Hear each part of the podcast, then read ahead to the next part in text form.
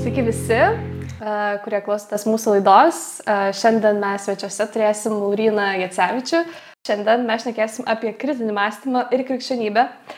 E, ir manau, kad tai labai aktuali tema, e, mąstant e, ir galbūt jungiant tas dvi sferas, nes kartais taip atrodo, na, galbūt iš to populiariojo mąstymo, kad, na, gal krikščionybei nelabai reikia to kritinio mąstymo, reikia tik kažkokių dvasinių patirčių. Ir, na, tenka susidurti tiesiog su tokiais žmonėmis, kurie um, nelabai galbūt tą loginį kritinį mąstymą naudoja. Tai labai norėčiau ir pakalbėti šią temą ir kodėl tai aktualu, kaip tai apskritai lavinti. Uh, ir gal ir pradėkime nuo, tos, nuo to apibrėžimo, kas yra tas kritinis mąstymas, nes kartais uh, galbūt mes taip labai abstrakčiai suprantame, kad tai yra tiesiog kažkoks gilinimasis galbūt ar informacijos sisteminimas, bet gal iš vat, savo e, gyvenimo ar savo praktikos, kaip e, tu taip e, galėtum apibrėžti tą kritinį mąstymą būtent ir, ir iš tos praktinės irgi savo veiklos. Pirmą kartą, kada aš tikriausiai išgirdau šitą savoką, tokią kaip pavartota, ir kad mus, manęs dabar mokys šito dalyko, va taip tiesiai, šviesiai, tai tikriausiai buvo LCC tarptautiniam universitete, Um, tai va, tai LCC buvo ta vieta, kuria, tai, kurioje aš taip susipažinau jau, uh, sakykime, akis į akį su to kritiniu mąstymu ir mūsų uh, jau nepaslėptai kažkaip jo mokė tam tikrų minčių dėliojimo, bet sakė, va dabar mes jūs mokysim šito dalyko mm. ir po to liepė taikyti jį ir tikrindavo, kaip mes, kaip mes jį taikom. Tai kritinis mąstymas iš tikrųjų uh, yra toks dalykas, toks įrankis mūsų, uh, kuris mums padeda suprasti tam tikrų teiginių teisingumą arba neteisingumą. E, pasaulyje žiūriu teisingumą, neteisingumą. Tai reiškia, jeigu kažkas man sako, kad yra taip ir taip, ir aš keliu klausimą tada, kodėl, kodėl man reikėtų taip e, tiksliai galvoti, tada aš taikau jau kritinį mąstymą. Tai iš principo yra toks įrankis, kuris man padeda išsiaiškinti, e, kaip yra, atrinkti informaciją kaip teisinga ir neteisinga. Tai čia yra ta negatyvioji pusė. Ir tada pozityvioji pusė yra, kai aš pats formuluoju, kažkokias mintis ir noriu kažkam jas išdėstyti, aš tada turiu mąstyti, o kodėl manim žmogus turėtų tikėti. Taip. Kad ne aš tiesiog pasakau kaip faktą, bet aš turiu kažkaip argumentuoti, kodėl žmogui reikėtų šitos dalykus priimti kaip uh, teisingus. Tai, uh, tai čia yra ta, vadinkim, pozityvoji tokia pusė. Ne. Tai um, iš principo kažkaip taip, jeigu, jeigu paprastai uh, bandyti atsakyti. Bet jeigu nori kokio nors pavyzdžio, tai ypatingai uh, šio laikiniam socialinių medijų amžiuje, uh, kai yra labai daug informacijos ir interneto amžiuje, kai yra žiauriai, žiauriai daug informacijos ir bet kas gali parašyti praktiškai bet ką, kas yra didelis skirtumas, negu, sakykime, kas būtų prieš kokį 30 metų, ne, kad yra oficialūs, pavyzdžiui, televizijos ir radio kanalai ir jie turi jau tokį automatinį patikimumą, nes ten bet kas nepraeis. Aišku, tada gali būti ir problemų, nes sovietiniai rūporai, pavyzdžiui, nes Sovietų sąjungoje tiesiog, nu, jie yra oficialūs kanalai, daugiau nelabai kas ką gali pasakyti ir galima tą informaciją kažkaip pakreipti, kaip tu nori, ne? Bet Teoriškai, ar net jeigu kažk, ne bet kas gali patekti į tam tikrą priemonę, kuris kelbia informaciją, knygą negali bet kas, ne bet kas gali išleisti, net televizijos kanalai radiją, reiškia automatiškai yra kažkokio didesnio patikimumo, nes e, tai daro žmonės, kurie tarsi turėtų turėti įgūdžių ir norėtų paskelbti tiesą, teoriškai bent jau, ne? O dabar, kai bet kas gali pasakyti bet ką, tai nors ir tada tai buvo aktualu, dabar yra dar aktualiau. Dėl to, kad informacijos kiekis yra be galo didelis, tai klausimas yra, o kaip mums reikia atskirti tada, kuri ta informacija yra teisinga ir kuri jinai yra uh, klaidinga. Tai pavyzdžiui, labai paprastas pavyzdys. Kažkas parašo kokį nors paustuką, reiškia, kad dabar atsirado kažkoks fermentuotas gėrimas, kuris išvalo tavo organizmą ir jeigu tu jį gersi, tave pasve, nu, tu pasieksi praktiškai nuo visų lygų ir tenais yra įmamas tam tikras mokestis. Ir tu gali tai priimti kaip už gryną pinigą ir tikėti tuo žmogumi, bet klausimas, o kodėl aš turėčiau pasitikėti juo? Ir tada, kai tu keli tą klausimą, tada pradedi įjungti tos kritinio mąstymo mechanizmus, klausdamas tokių klausimų kaip, ar šitas žmogus turi atitinkamą įsilavinimą, kuris jam leistų sakyti tai, ką jisai uh, sako dabar. Ar yra daryti kokie nors tyrimai, pavyzdžiui, su tuo fermentuotu gėrimu ir ar tai parodė iš tikrųjų, kad daro tam tikrą uh, įtaką tavo sveikatai, kokie yra žmonių atsiliepimai, ar yra gerų, ar yra blogų atsiliepimų, kokiuose kanaluose tai uh, pasirodo. Uh, ar tai yra tik bandymas kažkokį verslą prasukti, ar tai yra nuoširdus noras irgi padėti. Nors versl, ir tas ir tas gali eiti, kaip sakyt, kartu, ir ne produktas gali kainuoti, bet ar tai yra tiesiog nu, apgavystė kažkokia. Mhm. Kai pradedi kelti tų klausimų, ne, tai tu į, į, įvedi savo kritinį mąstymą. Ir dar vieną pavyzdį duosiu, kurį man, man nesinai teko patirti. Gavau žinutę, vaistinėdamas vaistiniai, atėjo man žinutė, kad e, man yra surašytas administracinio pažydimo protokolas, nes aš viršiau greitį. Aš e, nesu tas žmogus, kuris viršytų labai greitai, surašytas tas administracinio pažydimo protokolas, aš jį atsidarau, atėjau iš info etapolicija.lt, kažkokio panašaus adreso, netrodo viskas parašyta kaip ir neblogai, bet man jau kyla pirmas neklausimas, ar aš tikrai galėjau padaryti tą nusižengimą. Gerai, mhm. galbūt galėjau. Galbūt aš nepastebėjau ženklo, tiesiog važiavau ne, ir kažkur buvau nusisukęs tuo metu, pasikeitė ir tada buvo iš karto matuoklis ir išfiksavo, kad aš važiuodamas tuo pačiu greičiu viršijau greitį ten 30 km per valandą. Gerai, bet aš skaitau tą toliau protokolą. Ten yra keista informacija. Man bauda, rekomendu, rekomenduojama bauda. Kaip gali būti rekomenduojama bauda? Nu, galbūt. Gerai, gal gali. Bet 15 eurų. Gal kaip tu gali 15 eurų sumokėti už 30 km per valandą viršymą? nu, kažkokia atrodo kaip maža ta bauda, nu, gal gerai, nėra didelė bauda, tai viskas kaip ir tvarkoja, bet kažkas čia nesiriša, ne šitoje vietoje. Toliau po to rajonas, kad tai buvo Elektrienų rajone, nu gal kažkada aš ir važiavau tame Elektrienų rajone, bet neatsimenu, kad tuo metu, kur buvo nurodyta diena, būčiau aš ten buvęs. Bet ne, ne iki galo pasitikiu savo atmintimi, tai, nu, galbūt, ne? Toliau žiūriu, kad apačioje parašyta yra, kad planuojamas yra kažkoks tarsi ir teismo posėdis, kuriame man gali atimti teisės, teisę vairuoti. Ir nors visas surašyta teoriškai kaip ir pakankamai profesionaliai, atrodo, atėjo, e, yra kodai visokie ir panašiai, bet tokių labai daug kabliukų, kur nėra aišku, ar taip iš tikrųjų yra. Ne? Tai iškart nepasitikė, nepuoli mokėti, nesako, spauskite ant šitos nuorodos ir sumokėkite. Žuo, nu ne, aš taip nedarysiu. Tada paskambinau į policiją, sakau, yra tokia ir tokia situacija, gal galėtumėt prašau patikrinti. Aš padėjau, sako, padiktuokit man kodą, man atrodo, ROI kodas tas vadinasi, aš diktuoju jam kodą ir ten yra skaičiai ir po to sakau raidė S, sako, čia aš jumis ir sustabdysiu. Dėkoju, žinokite, čia yra vykdoma tam tikra akcija su kažkuo policija e, kartu bendradarbiaudama daro pilietinę akciją tikrinti žmonių budrumą. Ar jie pasikliauna tokiais pranešimais. Ir sako, ačiū, ten už jūsų pilietiškumą ir visą kitą. Tai tiesiog vat, netgi jie norėjo patikrinti, wow. kiek žmonės e, naudojasi tam kritinio mąstymo e, galimybėm ir kiek turi tų sugebėjimų ir ar nepuola tiesiog priimti bet kokią informaciją, kuri ateina taip, pas juos kaip tikra. Na taip, tikrai, tikrai geras pavyzdys, toks gyvenimiškas. Uh, Na ir kalbant apie krikščionybę, nes mes kaip ir vat, norim paliesti tą temą, kad e, kodėl tai aktualu krikščionybėje, nes kartais galbūt yra tokios dvi pusės, man pačiai teko susidurti, na, žmonės galbūt sako, na, aš labiau per patirtį, galbūt patirsiu, tada sužinosiu, ar tai gerai ar blogai, negu kad čia dabar viską analizuosiu ir klausinėsiu ir čia per daug šitų klausimų kelt. Na, žodžiu, kad gal e, atrodo per daug ilgas procesas, ar ne, kritiškai e, galbūt viską analizuoti, kalbant apie savo tikėjimą, nes tada atrodo visą, ką tu darai, tai tu tik klausi, analizuoji save, kitus, e, bendruomenę ir panašiai. Ir tai atrodo tam tikrą prasme kaip, e, na, netikėjimas, nežinau. Tai kiek kritinis mąstymas ir krikščionybė yra suderinama ir, ir kiek eina kartu?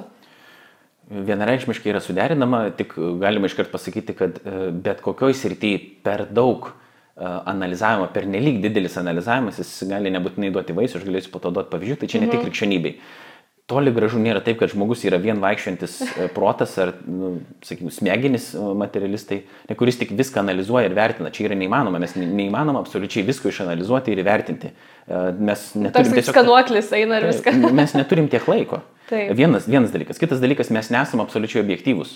Nėra taip, kad žmogus, jeigu jam duosi tik tais gerų argumentų, viską sudėliosi, taip jis būtinai priims taip, tai kaip tiesą. Toli gražu taip nėra. Taip. Ir tai rodo nu, patys pavyzdžiai, ne, kad gali būti geri argumentai dėl kokio nors, pavyzdžiui, dalyko, bet žmonės gali turėti skirtingas nuomonės dėl jų. Ir čia yra įdomus šiaip uh, dalykas labai, apie kurį aš noriu ateitie šiaip daugiau pasigilinti, kaip iš jūs žmonėse susiformuoja tam tikri įsitikinimai. Nes uh, kai kurie sakytų, pavyzdžiui, kritikuodami krikščionybę, bet tu nenori tikėti, nors yra visi argumentai dėl to, kad tu esi prisirišęs prie to savo Jėzusėlius ir panašiai. Tai jeigu taip, aš galiu pasakyti, o tu, tu nenori netikėti, taip kaip krikščionis sako, o tu nenori tikėti, aš galiu pasakyti, nes tu esi prisirišęs prie kažkokių savo gyvenimo, tai. pavyzdžiui, malonumų ar supratimų ir nesvarbu, kokie argumentai, tu niekada netikėsi. Tai ir taip gali būti, ar ne? Bet tai tą dialogą nelabai kur pastumė. Uh, tai per didelė analizė, jinai, a, gali uh, gali mums trukdyti tam tikrose situacijose. Vienas dalykas, kitas mhm. dalykas, mes neturim tam tiek laiko, kad galėtum absoliučiai visą, viską analizuoti. Trečias dalykas yra, kad žmogus nėra vien e, vaikščiojantis protas, ne, kuris tik tais masto ir daugiau nieko, niekaip kitaip nei, neįma informaciją. Bet reikalas dabar yra koks. Protas yra integrali mūsų dalis arba savybė, kaip čia reikėtų dabar ją įvardinti, atributas, mąstymas yra e, esminis mūsų atributas, vienas iš jų. Ir net ir patirtį reikia reflektuoti, reikia apmastyti. Tai jeigu tas žmogus sako, aš pirmą patirsiu ir, ir po to žiūrėsiu ten kaip ir kas, tai bet kokiu atveju jis turės apmastyti savo patirtį. O ką jinai reiškia? Iš kur jinai kilo? Pavyzdžiui, patiri kokią nors patirtį, tarkim, ir bažnyčioje. Ir tas žmogus galvoja, kad prie jo prisilietė Dievas. Ir gali būti, kad tai buvo. Bet, pavyzdžiui, jeigu tas žmogus, mes turim daugiau, pavyzdžiui, kažkokio konteksto. Jeigu tas žmogus vakar žiauriai daug gėrė, pavyzdžiui, ne? ir jis ateina į kažkokią vietą, ar į bažnyčią, dar kažkur kitur, jis išgyvena kažką, kas jam atrodo kaip Dievo patirtis, bet galbūt tai buvo tiesiog tam tikros tavo cheminės reakcijos vykstančios organizme, kurios tave taip privertė pagalvoti, bet galbūt tu tiesiog buvai, nu, ten prigėręs kažko, ko nereikėjo, ar privalgęs kažko, ko nereikėjo. Ne taip gali būti. Bet ką tada daro skeptikai? Čia tai, skeptikai dabar ne ta tradicinė prasme, kai tu suabejoji ir ieškai tiesiog gerų argumentų. Bet skeptikai dabar, kai sako skeptikas, tai reiškia, aš netikėsiu. Taip, ir viskas, žinai. Nu, man čia netikiu, čia netikiu, čia netikiu. Tai kai daro, ką daro tokie skeptikai, tada jie viską bando tai paaiškinti per psichologiją, per mhm. fiziologiją ir panašiai, ir tada nebepalieka jokios vietos tai patirčiai būti autentiškai. Tai taip irgi nėra gerai, ne? Yra tam tikros ribos ir yra sveikas protas, kaip mes bandom leisti tai informacijai būti kažkokiai ir tada atitinkamai ją interpretuoti ir suprasti, kaip geriausiai tai yra paaiškinama. Kita vertus, pavyzdžiui, jeigu Dievas yra gyvas ir jisai prisiliečia prie tavęs, Alvinas Plantinga, toks sako, krikščionių filosofas labai žinomas, tai ta šventosios dvasios patirtis, jinai yra save pati verifikuojanti, tai reiškia, jinai pati save patvirtina. Ir tu gali racionaliai jos laikytis, sakyti, kad jo prie manęs prisilietė Dievas ir tai nebuvo ten pica arba dar kažkas, ką aš prieš tai suvalgiau, kol neatsiranda tau kažkokių geresnių įrodymų, vadinam angliškai defeaterių arba nurungėjų, kurie nurungtų tą tavo įstikinimą, kurį tu mhm. turi, arba tą tavo patirtį. Ne? Mhm. Panašiai galėtum vesti paralelę su meilė. Ne? Pavyzdžiui, uh, galėtum manęs klausti, ar tu myli savo žmoną? Galbūt tai tiesiog buvo, nežinau, seksualinė trauka kažkokia tam tikrų momentų, galbūt tai buvo dar, kad galbūt tu kažką suvalgiai ir tau atrodė, kad tu myli savo žmoną irgi. Taip irgi galima klausti, ne? Bet tai aš negaliu tada paimti ir vien tik racionalių argumentų tam žmogui pateikti, kad aš paaiškinčiau, kad aš myliu savo žmoną. Nu, ne, e, nes aš esu ne tik protas, ne tik mano protas veikia, yra daugiau visokių būdų, kaip mes įimame informaciją ir patiriam pasaulį savie. Pavyzdžiui, grožio patirtyje protas nelabai dalyvauja, tau yra kažkas gražu. Tipo, kodėl tau gražu? analizuoji, pala, kodėl čia jo. man gražu, gal man negražu. tai, tai, tai gali tą padaryti, ne, bet tu kaip menininkė, tu žinai, nepamatai kažkokį paveikslą, ten skulptūrą, dar kažkokį meno darbą, tave apima kažkas ir ta patirtis yra tikra. Ne, ir po to tu gali klausti, o kodėl man yra gražu, tu gali svarstyti, bet iki gal tu net nežinai, tiesiog tau kažkodėl, pavyzdžiui, šitas paveikslas gražus, o šitas negražus. Teoriškai tu gali kažko tai. padaryti, bet ta patirtis jinai yra tokia galinga labai. Taip pat mm. ir su mm. muzika panašiai ir dar, žinai, kažkas teisinga, neteisinga, tu gali irgi bandyti nagrinėti, bet kartais, kai tu pamatai neteisingumą daromą, tave apima tam tikras pyktis toks toksai, kad taip yra neteisinga. Ir iš vidaus tai kyla. Ir tu tiksliai nežinai kodėl. Vėl tu gali nagrinėti. Bet tai dabar bažnyčios patirti. Tai e, be abejo, reikia analizuoti tam tikrus dalykus. E, kodėl? Ir mes absoliučiai viską, svar, e, viską svarstydami turim naudoti kritinį mąstymą, tik tais sveiko proto ribose, vadinkim taip, ne? leisdami ir patirtimi įvairiom veikti ir taip toliau, nes mes nesame vien vaikščiantis protai, taip pat kaip mes ir nesame vien tik tais emocijų varomi organizmai, nes mūsų patirtis gali būti klaidingos, taip. mūsų emocijos gali būti nebūtinai uh, tinkamos tai situacijai, ne, uh, bent jau tinkamai reaguoti į kažkokią situaciją. Tai um, duosiu konkretų vėl pavyzdį, gal bus paprasčiau. Vienai bažnyčiai man teko būti, pastorius sako, charizmatinė bažnyčia, sako, dabar visi melskime kalbom, nes tai aktyvuoja dvasę. Ir visi pradėjo melstis kalbom. Tie, kurie yra krikščionys, galbūt žino daugmaž, ką tas reiškia. Dabar man iškart pradėjo tokios raudonos vėliavėlės kliūti. Aš galvoju, e, iš kur tu taip sugalvojai? Iš kur atėjo ta mintis, kad meldimasis kalbom aktyvuoja dvasę. Iš viskas čia per terminas toks yra. Aš, nu, aš niekur nesu jo sutikęs, ne? Man tai netrodo bibliška, e, nesu girdėjęs taip žmonių kalbant apie tai, nesuprantu argumento, nes jokio nebuvo pateikta, kad taip reikėtų, žinai, daryti, bet visi žmonės nusekė to, e, tuo, ne, nes tai gal buvo įprasta. A. Antras dalykas, aš tikrai girdžiu žmonių, kurie nesimeldžia kalbom, bet kartoja tą patį skiemenį labai daug kartų. Ir tai, kad tu kartoji daug kartų tą patį skiemenį, tai nebūtinai yra dvasinė kalbų dovana. Bet turint omeny e, kontekstą, kartais kai kurie žmonės tiesiog jaučiasi spaudžiami, kad jie turi melstis kalbom, nes kitaip jie nėra tikri krikščionis. Ir tada jie tiesiog kažką daro tam, kad atrodytų kaip tikri krikščionis. Ne? Bet kadangi tu, jeigu žiūri žvelgiant į Bibliją, toli gražu ne visi turi kalbų dovaną, mano supratimu. Ne? Ir manau, kad tą poziciją galima pagrysti. Aš tikiu, kad tokia dovana egzistuoja, dabar kaip ją reikėtų suprasti, irgi yra kitas dalykas, bet kad ne visi ją turi. Ir tada, e, bet, sakykime, bažnyčiai prasidėjo tas, e, nu, sakykime, tas veiksmas vykti, bet aš pradedu iškart kelti klausimų kurie man atrodo legitimus, kodėl taip yra, kaip aš nepuoliau ten visų dabar tildyti ar kažką, žinai, daryti, bet tiesiog... Vat, Ant scenos eiti, jo, jo, ką aš čia darau. Tai va viena, ne tokia situacija. Um, ir šiaip, nu, malonų žmonės, nuoširdus krikščionys, visa kita, bet, ne, pradedi klausti tada, ar tai iš tikrųjų yra tai, ką mes turėtumėm daryti, ar ne tai. Ir tada galima su to klausimu eiti pas pastorių klausti, jeigu, pavyzdžiui, tas bažnyčios narys, ne, nesvečias kaip aš, nu, galiu ir aš kaip svečias paklausti, bet pastorių, ką jūs turėjote omeny, kai sakot, kad tai aktyvuoja dvasę, gal galėtumėt man paaiškinti, nes aš iki galo nesuprantu. Ehm, ar tai yra bibliška, ar tai nebibliška, kodėl taip yra daroma ir taip toliau. Ir diskutuoti, ne, pradėti vesti diskusiją. Tokia, ir jeigu pastorius yra nepriešiškai nusiteikęs ir jis nebijo klausimų, ir jeigu jūs jeigu jis tiki, kad e, tai, ką jis daro, yra teisinga ir gera, tai jisai nebijos to klausimo, jis nebijos padiskutuoti, kaip tik džiaugsis, kad žmogus nori suprasti geriau. Taip. Nes tikėjimas, uh, jisai, uh, tas suprastas tikėjimas, nepaviršutiniškas, tik jis yra gilus, o ne tai, kad kažkas to pasakė ir tu darai. Tai čia vienas momentas. Kitas momentas buvo tokie du pažįstami mano, kurie grįžo iš kelionės, vienos, kur buvo uh, Torbeno Sondegardo mokymuose. Torbenas toksai uh, įdomus virukas, kuris sako, kad iš vis praktiškai bažnyčios nereikia ir, ir žmonės turi kažkaip paskirai ten skelbti Evangeliją. Žiauriai problematiškai šiaip man mhm, atrodo tai, kas mhm. jisai ten daro. Bet žmonės grįžę iš tų mokymų labai užsidegė visą kitą ir sako, man Dievas pasakė ten tą ir tą. Mhm. Ir aš nuoširdžiai tiesiog klausiu, uh, o iš kur tu žinai, kad tau Dievas pasakė. Tai nėra taip, kad aš kabinėjusi, tiesiog man nuoširdžiai sakau, sako, man, jeigu žmogus sako, man Dievas pasakė, ir jis tai autoritetingai klausia, tai aš turiu teisę klausti jo, o nu, iš kur tu žinai, kad tau pasakė, nes galbūt Dievas tau pasakė, aš nesakau, kad taip negali būti. Bet klausiu, o iš kur tu žinai? Tada sako, tai tu netiki, kad Dievas yra gyvas, kad Jėzus yra gyvas. Sakau, ne, ne, aš tikiu, kad Jėzus yra gyvas ir jis, kad jis kalba. Aš klausiu, iš kur tu žinai, bet šiaip buvo neįtin malonus pokalbis, nes žmonės priemė tai mano klausimą kaip iškart prieštaravimą jiems, tarsi mhm. jie uh, čia nu, yra gal nedvasingi žmonės, arba tiesioginį prieštaravimą Dievui, kad jis nekalba. Mhm. Bet mano tai netoks yra prieštaravimas. Klausimas yra, pilna yra žmonių istorijų, kurie teigia, kad man Dievas kažką pasakė ir šiom dienom. Ir, toli, ir, jų, ir dažnai jų uh, tai, ką jie sako, prieštarauja vieni kitiem, tai kaip gali būti, kad visiems tada Dievas kalbėjo? Reiškia, kažkam galbūt kalbėjo, kažkam nekalbėjo, kažkas galbūt kalb, kažkam kalbėjo, bet neteisingai suprato, galbūt niekam iš jų nekalbėjo, tai, bet tai tą reikia kažkaip pasiaiškinti. Tai dėl to reikia reflektuoti, mąstyti, suprasti, kodėl taip yra. Tai gali taip tikėti, bet, pažiūrėjau, tu kito reikalauji e, taip tikėti, tai tada yra normalu, kad tas žmogus paklausia, kodėl man taip reikėtų galvoti. Ir aš sakau, pavyzdžiui, aš statau dešimt žmonių, aš jiems taip sakiau.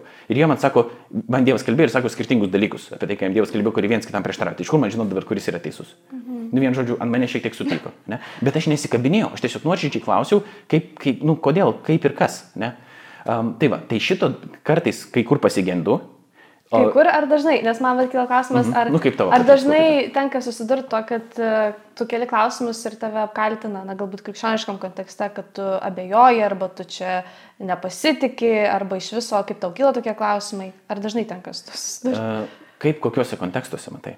Uh, nenoriu čia. Na, jeigu tai paėmus tą ne, bendrą tokį, nu, galbūt e, tavo patirtis, mm. jungus ir padalinus, ar tai 50 ant 50, ar tai, ta prasme, retkarčiais tik būna. Gerai, aš atsakysiu galbūt taip. Uh, tai būna uh, pakankamai dažnai, mm bet toli gražu ne visi krikščionys taip masto. Taip. Nemažai priklauso nuo, pavyzdžiui, konfesinės tradicinius, uh, kaip žmonės supranta, kas yra tikėjimas ir kokia yra leidžiama klausimų ir protavimo vieta tame. Mm. Tai tose kontekstuose, kur aš esu buvęs, tai nebuvo problemų klausti klausimų ir nebuvo problemų diskutuoti ir nebuvo viskas savaime, ta prasme, suprantama ir galima tą daryti. Aš pats dabar ką tik atvažiavau iš vyrų e, Biblijų diskusijų grupelės, kur mes esame keliese, netgi iš skirtingų konfesijų ir mes diskutuojam Taip. apie tos klausimus. Kad, ir jeigu kažkas galvoja, kad krikščionis tipo, tiesiog, o, vat, tipo, pasakė čia visiems, jo, čia daugiau nėra jokių klausimų niekur, ne, tai visi diskutuoja, kodėl tu taip supratai, kodėl tu taip supratai, mes norim suprasti Dievo žodį geriau, mes norim suprasti Dievą, bet mes abejojam savo protu.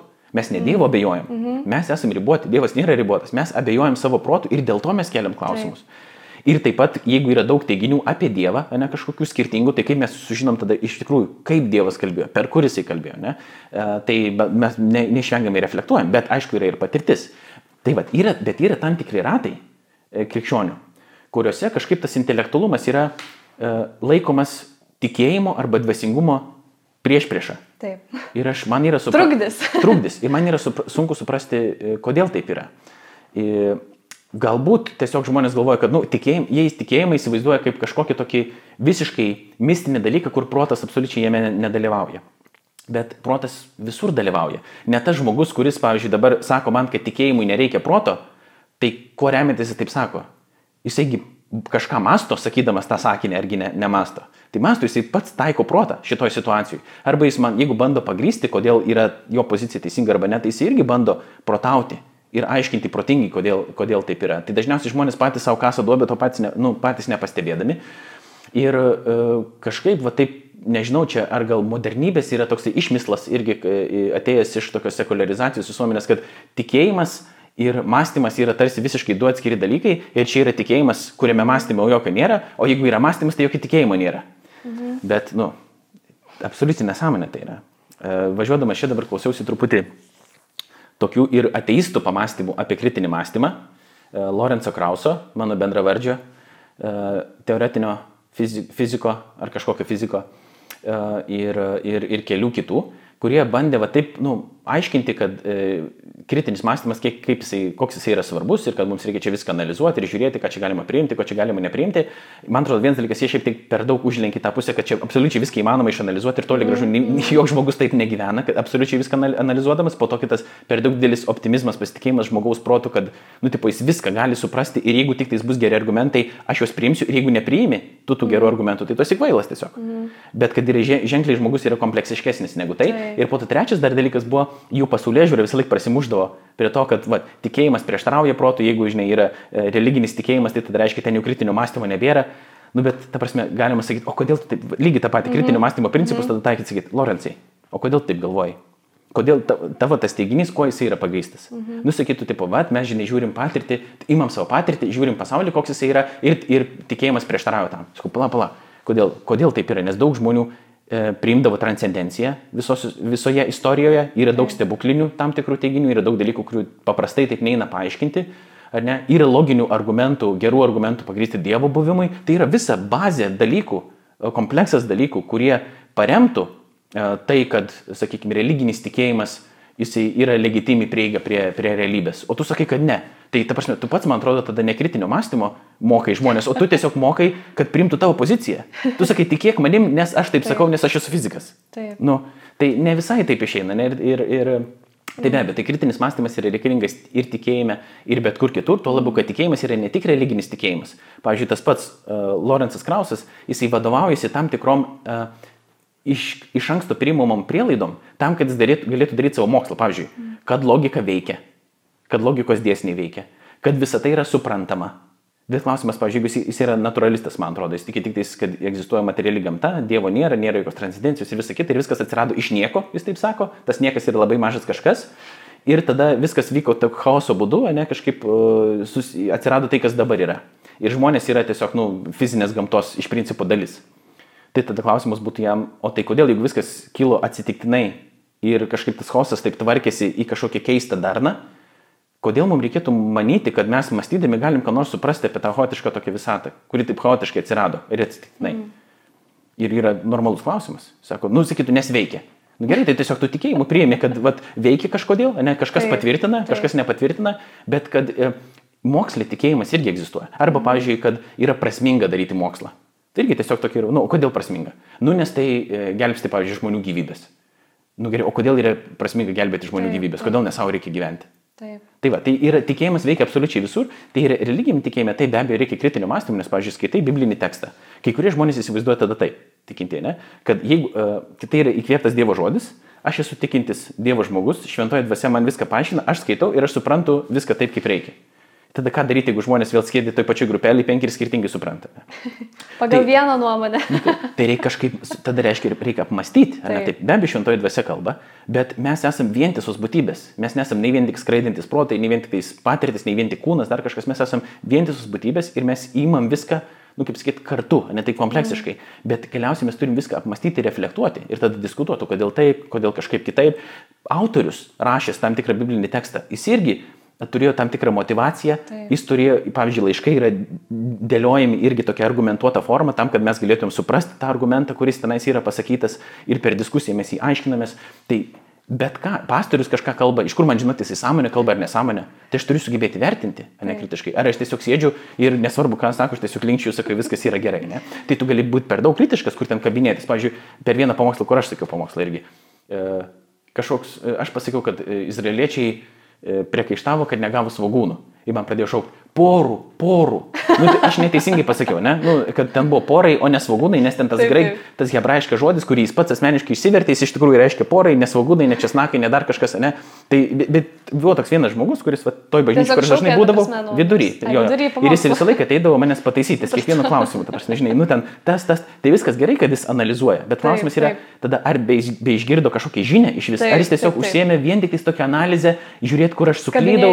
Nes tikrai taip gali būti, kad aš kažkur suklydau, ne? Taip, Bet ar esminė pažinė yra teisinga, ne? Galbūt aš padariau faktinę klaidą, prašau mane pataisyti, ne? Galbūt, jeigu esminė žinia klaidinga, tai paaiškink man kodėl, bet tu gali turėti ir per daug kritinę tokią poziciją, kur tu tiesiog niekad neišgirsti to, kas yra nu, bandoma pasakyti, bet tu viską analizuoji, ieškodamas tik tais klaidų. Dėl to, kad ir tu sakai, aš esu, žinai, e, kritinio mąstymo specialistas ir skeptikas. Reikia mąstyti, man reikia analizuoti. Bet kita vertus, yra ta kita pozicija, ne, kad uh, tiesiog žmogus sėdi ir viskas susiurbė ir nesvarbu jam pasakė ir tada sakau, o kodėl tu taip galvoji? Nes taip yra. Nes taip Palauk, pasakė. Sakau, bet aš, aš kitaip galvoju. Bet man pastorius pasakė, gerai, bet o, kodėl, o, o koks argumentas yra? Gerai, kad pastorius tau sakė. Bet koks argumentas yra tai pozicijai pagrysti, jeigu jinai yra, pažiūrėjau, keista pozicija. Gal ir keista pozicija. Tai kodėl man reikėtų ją priimti? Nu, taip, tam tikrą prasme aš gerbiu pastorių, kad jis taip kalba, jis yra autoriteto figūra, mes, nu, kaip sakyti, turėtų galbūt turėti didesnį pasitikėjimo kreditą, nes jis galbūt turėjo mokslus kažkokius pabaigti, gal dar kažką, ne? Bet vis tiek aš vertinu. Taip, Taip, pat taip. kaip ir universitete. Vienam mano pažįstamam vienas e, profesorius aiškino visiškai su religija nesusijusiam dalykiam, tai man atrodo, tiksliai nežinau, bet man atrodo, čia buvo fizikos fakultete, kad uh, Jėzus mėtė žmonės nuo stogų. Ir man toks klausimas, tipo, iš kur, iš kur tu ištraukė tokią informaciją? Negyvosios jūros rankščiuose parašyta yra. Aš dar tada buvau naujas krikščionis, apie negyvosios jūros rankščius net nebuvau girdėjęs, bet man uždavė tą klausimą, "Nu, ką reikia daryti toliau. Nu, tai ar priimti tiesiog tą profesoriaus nuomonę ir to žmogus, kuris man persakė, ar eiti patikrinti. Nu, tai aš nuėjau patikrinau. Pasirodo, negyvosios jūros rankščius galima pasitikrinti, nei yra, yra nemažai apie juos informacijos sukelta internete ir juos pačius galima pasiskaitinėti. E, Dalis jų, man atrodo. Ir pasitikrinus, paaiškėjo, kad nu, tie negyvosios jūros rankraščiai iš vis apie Jėzų nekalba. Nes tai yra Seno testamento dauguma tie dokumentai, Senojo testamento dokumentai. Uh, ir jie mums kaip tik patvirtino, sakykime, išliekam, neišliekamą vertę, bet patikimumą tų, uh, tų Senojo testamento tekstų, kuriuos mes turim dabar. Nes jie yra tiesiog labai senai užrašyti, kumranų tokios bendruomenės. Ir ten nebent gali ir atrasti pranašyšių apie Jėzų, pavyzdžiui, Izaijo pranašystai, bet ne informacijos, kad Jėzus mėtė žmonės nuo stogų. Bet jeigu tau, pažiūrėjau, autoritetas kažkoks pasako ir tu turi jau iš ankstinę nuostatą, pažiūrėjau, jeigu tu nemėgsti krikščionybės, mm. bam, to viskas pasitvirtina Taip. ir tada kam man bereikia tikrinti. Taip. Bet lygiai taip pat ir krikščionis gali sakyti. Ne? E, Per pandemiją čia buvo irgi e, Facebook'e tokia žinutė, pradėjo krikščionis persidalinti, kad Italijoje kažkoks ten žmogus e, ar priėmė e, Jėzų kažkaip į savo gyvenimą, ar patikėjo, ar kažkoks gydytojas patikėjo dėl kažko. E, Buvo tokia labai jautri istorija, tiesiog Italijoje kažkokios ligoninės, kad mastant mirti, ten kažkaip buvo su, su, su Dievo patirtimis kažkaip susiję. Ir daug kas persidalino, tiesiog to paprasto pausto. Bet paaiškėjo, kad jisai buvo fiktyvus, tiesiog kažkas sugalvojo. Tai nėra tikra istorija, jinai galbūt jaudinanti istorija, bet jinai buvo pristatoma kaip tikras faktas įvykęs. Ir negalima taip daryti krikščionių. Mm -hmm. Nu ir kas, kad tai patvirtina tavo įsitikinimus kažkokius, mm -hmm. bet negalima taip daryti e, visiškai taip paklai, persidalinti tiesiog, žinai, e, ar kaip ten neįtikėtini faktai yra kažkokia tokia Facebook grupė, mm -hmm. kur, pavyzdžiui, parašyta faktas, ne kažkoks ten trumpas faktukas ir kažkas parašyta ir daug žmonių dalinasi ir laikina. Aš galvoju, o iš kur man žinot, kad šitas faktas yra teisingas, kad jis iš tikrųjų yra faktas. Dėl to, kad tu tai parašiai. Nėra nuorodos į jokį šaltinį, išorinį, dar kažką, bet, nu, tiesiog dažnai mes priimam tai, kas mums patinka, kas atrodo patraukliai, mes priimam kaip teisinga, o kas atrodo nepatraukliai, tai meluoja, tikriausiai ne taip yra, bet gali būti, kad tiesa yra tokia, kuri tau nepatinka, mhm. toks dalykas ir gali būti, kad tie dalykai, kurie tau patinka, jie nebūtinai yra teisingi, tai reikia sugebėti tikrinti. Taip, taip. Tai žodžiu, tikrai sužinojom, nu, iš viso to, ką pasakė, aš tai daug klausimų palėtė, kad reikia mąstyti, kad krikščionis, e, krikščionybė ir kritinis mąstymas nėra priešinga ir, aišku, ir žinoti tas ribas, nes kaip ir galima tikrai perėti tą tokį, e, na, kraštutinumą, kur atrodo, tu visiškai nesiremi kažkokiam patirtim ar visiškai jas neigi ir tada tik nori visų tų įrodymų. Ir kaip ir gyvenimas nėra. Patirtis irgi Taip, yra yra įrodymas. ta tikra prasme. empirinė patirtis, ta prasme, kad tu negali vien tik sakyti, kad aš dabar išpratausiu, man reikia tik loginių atsakymų, nes galbūt, nežinau, gal krikščionys susiduria su tokiais skeptikais ir tada jiems atrodo, kad, na, žodžiu, jeigu tu jau krit- kritiškai mąstysi, tai galbūt e, prarasti tikėjimą. Bet žodžiu, ką aš noriu pabaigti, kaip aš noriu pabaigti, tai tie, kas klausosi ir galbūt nelabai taiko to kritinio mąstymo, arba galbūt yra va toj vietoje, kaip sakėjai, labai viską priema lengvai, uh, pamato paustą, iš karto dalinasi, kas atrodo labai patraukliai, tai nuo ko pradėti, galbūt e, na, pradėti kritinį mąstymą, ar knygas skaityti, ar tiesiog daugiau klausti, nes iš tiesų gal žmogus nelabai žino, kaip tą pradėti kritiškai mąstyti. Tai e, praktinis toks patarimas. E, tu teisingai paminėjai, kad skaityti. Pirmas dalykas, mes esam irgi įpratę labai tiesiog daug vaizdų visokių žiūrėti ir skaityti tampa visokių lygiai taip pat ir man. Kadangi tenka klausyti daug tinklalaidžių ir paskaitų įvairių ne, e, tarp jų, taip pat ir žiūrėti įvairių e, YouTube vaizdo įrašų paskaitų, e, taip mokytis Tai tada kuo daugiau taip darai, net jeigu ne tik žiūri trumpus filmukus, bet ir ilgus pakankamai klausai dalykus ir žiūri dalykus, vis tiek atšimpa tas gebėjimas susikaupti ir skaityti. Bet skaitimo niekas nepakeis dėl to, kad uh, uh, vienas dalykas kitaip informacija priimama yra, kai tu ją matai, ne tik tai, kai ją girdi, vienas dalykas. Kitas dalykas yra, kad uh, kai tau yra tekstas, tu turi įsivaizduoti, tavo veikia vaizduotė nuolat ir tas vaizduotės aparatas, nes, pavyzdžiui, kai tau yra pateikim vien tik paveiksliukai, ten kažkokie instruktyvūs, tau galbūt yra paprasčiau suprasti, bet tau nereikia nieko įsivaizduoti, ne, tai tu jau kažką prarandi.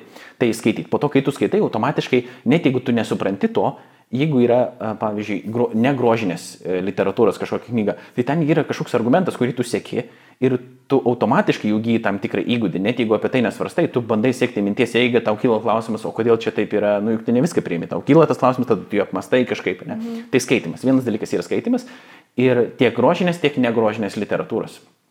Ir tada iš Jordano Petersono, pavyzdys tokio žinomo mąstytojo, kaip lavinti kritinį mąstymą, tai yra rašyti. Nes žmonės pas mus dažnai klausia tokio klausimo, o kokia man nauda? Nu, kam, kokia man nauda, kad aš parašysiu, kokia man nauda, kad aš ten pagalvosiu, kad aš paskaitysiu dar kažkaip. Visi ieško tiesiog labai tokios praktinės naudos. Mm -hmm. Bet ta nauda, jinai, um, kuri ateina per ten uh, skaitimą arba per rašymą, jinai nebūtinai yra pačiupinėjama šią sekundę dabar, bet jinai tave formuoja kaip asmenį. Šitas pokalbis jau tam tikrą prasme mus formuoja. Mūsų klausomi pokalbiai mus formuoja. Ten buvimas universitete, mokykloje, darbe, dar kažkur, ne, jie visos yra formuojančios patirtis. Rašymas ką padeda padaryti, nes tu kai mastai, tu savo minčių nematai kažkaip išdėstytų priešais tave, bet kai, pažiūrėjau, kalbi, tu išgirsti tai, kokios yra tavo mintis, jau jos yra kažkaip čia, tu gali jas apsvarstyti, kartais tu geriau pats supranti save, net vien kalbėdamas, aš geriau suprantu, ką aš mhm. turiu omenyje, mhm. arba koks yra mano mąstymas. Ne?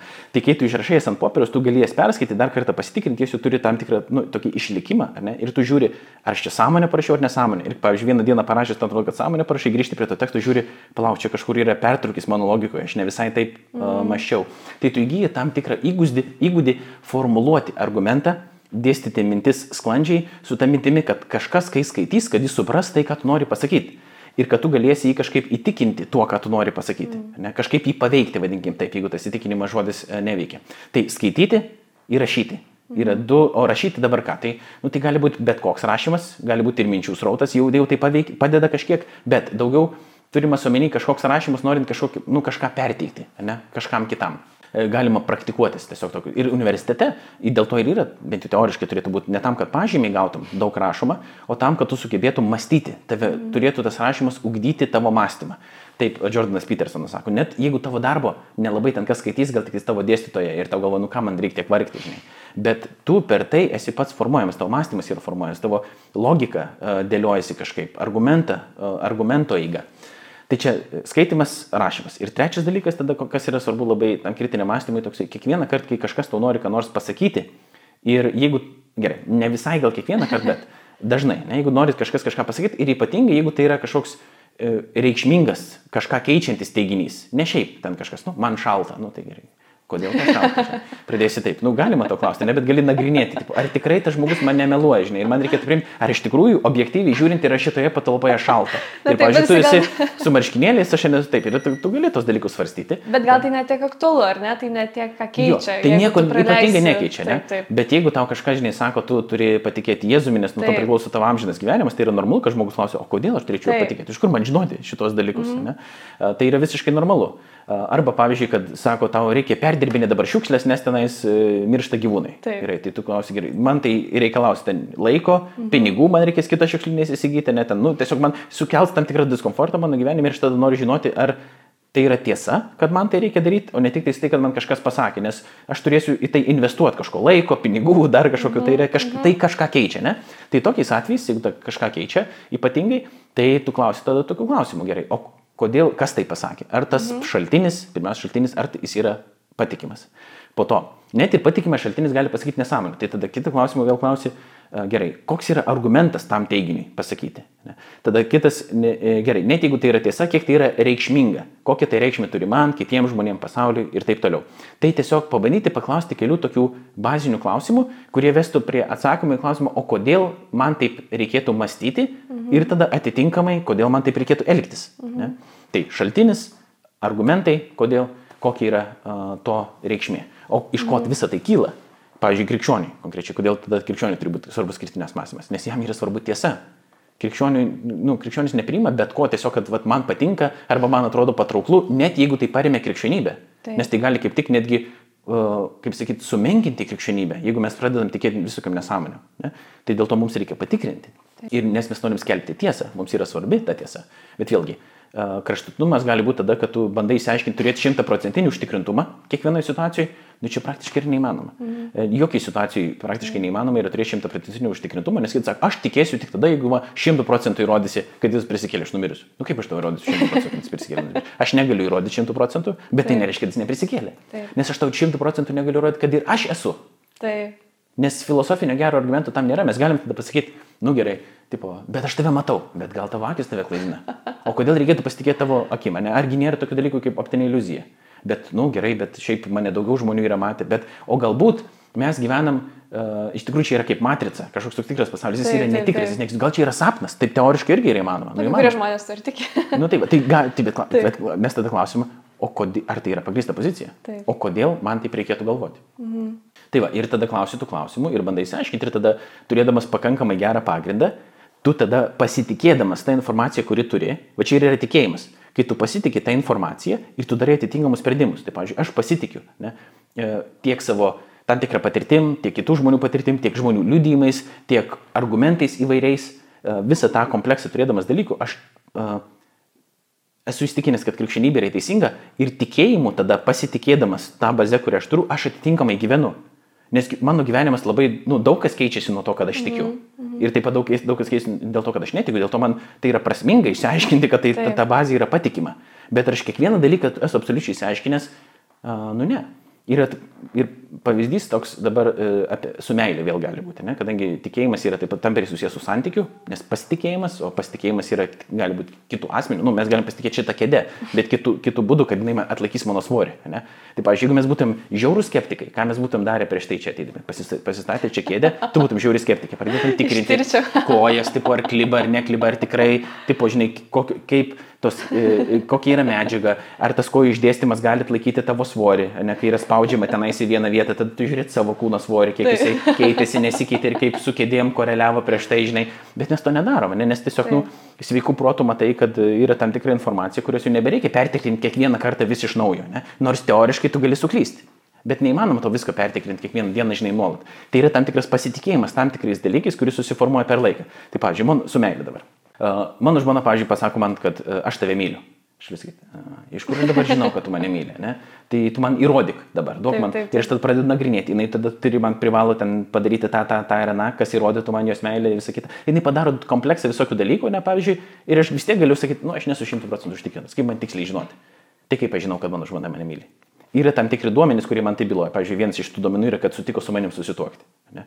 Tai jau tai yra vienas iš, nes jinai padarė reikšmingąją pasirinkimą, kuris keičia jos gyvenimą. Tai jau byloja. Jinai manim pasirūpina, ne? jinai man sako gražius žodžius. Bet ne visą laiką taip yra. Ne? Būna tokių ir sudėtingesnių momentų. Tai tada, ar tada reiškia, kad jinai manęs nemyli? Gal. Ne? Nu, va, gal, būtum, gal, būtum galim tai sakyti. Bet šiaip tie duomenys, man rodo, kad iš tikrųjų tai, tas jo žodis atitinka tai, kas yra realybė. Bet galiausiai, kodėl aš priimu ir nebetikrinu vėl iš naujo, jinai mane myli ar ne, tipo, taip ne, ne, ne, nesu paranoikas kažkoks. Kartais pasitikrinu. Ne, tipo, paklausiu, nes tiesiog noriu, vat, nu, kad dar kartą pakartotų, pavyzdžiui. Bet dėl to, kad aš ją pasitikiu. Aš pasitikiu, kad jinai sakydama tai, jinai man nemeluoja. Teoriškai įmanoma. Mm. Bet, pavyzdžiui, jeigu jinai sakytų ne apie meilę kažkas, bet jinai man kokį nors bandytų apibūdinti, ten, žinai, sako, va, žinok, Laurinai, ten debesis susiformuoja ten taip ir taip. Gražiai. Ir aš sakyčiau, nu gal tai nėra labai reikšmingas man dalykas, bet aš galėčiau klausti, palauk. Nu, iš kur tu žinai, ta prasme, nu gerai, mokyklai mokiausi. Ne? Bet galbūt netitinka tai visai, ką tu sakai su to, ką aš mokyklai mokiausi. Arba kokį nors negriežtesnį man teiginį ten bando pasakyti apie kažkokių kietųjų dalelių koncentraciją, uh, žinai, ore. Mhm. Tai tu esi kažką su fizika mokysius, ta prasme, nu, iš kur, iš kur tu tą turi žinią. Aš perskaičiau tame tinklapį. O tas tinklapis, jisai yra patikimas, nepatikimas, nu, pažiūrėjau, 5G ryšio čia buvo kažkokie ten klausimai. Mm -hmm. Pažiūrėjau, va, čia tipo yra blogai, tas 5G ryšys, aš, nu, žalį supratimą neturiu. Ten tikriausiai, kad tas kažkokios bangos kažką daro, visokios bangos, tai gali būti, kad daro mūsų organizmui kažką, ar ne? Bet e, atsiranda kažkokie šaltiniai, kurie teigia, kad taip yra ir reikia keisti savo gyvenimą atitinkamai. Tai klausimas tada, kodėl šito šaltiniu turėčiau pasitikėti. Tas šaltinio rašytojas, tas žmogus, pavyzdžiui, ar jisai turi atitinkamai islaminį, supranta iš vis tą dalyką ar nesupranta. Um, ir apie krikščionybę, pažiūrėjau, galbūt su paskutiniais laikais dažnai taip yra, taip žinai, kad va, jau žinai, paskutiniai laikai čia tas ir tas, va, ten, uh, ten tokia ir tokia bažnyčia, jau tenais yra, žinai, antikristų ten pasiekėjai ir šalininkai, tas ir tas, tu mm. pažiūrėk, tenais atitinka tas ženkliukas, kuris buvo kažkokie satanistiniai grupuoti, ten tokį ženkliuką, kurie turi, tipo, žinai, ir čia, tipo, palauk, tipo, tu, nu, ar pamastėjai normaliai apie šitą dalyką, ar tau dėl to, kad kažkas yra panašiai vizualiai atrodo, tai reiškia, kad ir įstikinimai yra lygiai tokie patys, ar, ar kas čia yra, žinai. Ir kad e, peržiūrės ten du YouTube videos, e, žinai, vaizdo įrašus, tu specialistų nepasidarai to dalyko. Ir, žinai, taip. tiesiog transliuojama yra, kad čia va yra tiesa, tu pažiūrėk tą YouTube video, taip, tu pažiūrėk. Taip. Ten labai gerai išneka. Gerai, koks yra argumentas? Ten, lab, ten taip yra. Nu, o koks argumentas yra? Nu, va taip yra. Ir taip. jeigu tu netiki, tada tu esi nedvasingas dėl to, taip. kad tau atrodo kažkaip kitaip. Tai ačiū tau, Laurinai, tikrai už, um, už tokį išsamų pokalbį ir, manau, labai, labai aiškiai ištransliuoja tą žinutę, kad krikščionis turi mąstyti ir ypač krikščionybei, nes tai yra labai fundamentalus, na, gyvenimą keičiantis iš tiesų, na, tikėjimas ir, ir tavo, um, na, religija tai nėra šiaip ar ne apie debesis ar apie kažkokią kėdę, tai yra apie tavo pasirinkimus ir apie tavo gyvenimo būdą. Tai iš tiesų mes turim ir privalom mąstyti ir manau, kad šiame pokalbėje žmonės, kurie išgirs šią žinutę, tikrai pradės daugiau mąstyti ir nesiaus kalti dėl to, ypač galbūt jeigu adresuotume krikščionims, nes kartais tenka susidurti, kad galbūt jautiesi kaltas, kad per daug čia klausimų keli, tai per daug kelt klausimų krikščionybei. Uh, galbūt nėra net tokio dalyko, visi klausimai geri ir Svarbiausia klausti, analizuoti ir ieškoti tiesos. Tad ačiū visiems, kurie klausėtės, ačiū tau, Lurinai, už pokalbį. Irgi galėsite surasti YouTube kanale, klausytis ir SoundCloud e, paskyroje įvedę jaunimo kodas. Ir turbūt šitą įrašą galės pamatyti ir apologetika.lt YouTube prenumeratoriai. Tad ačiū ir iki kitų susitikimų.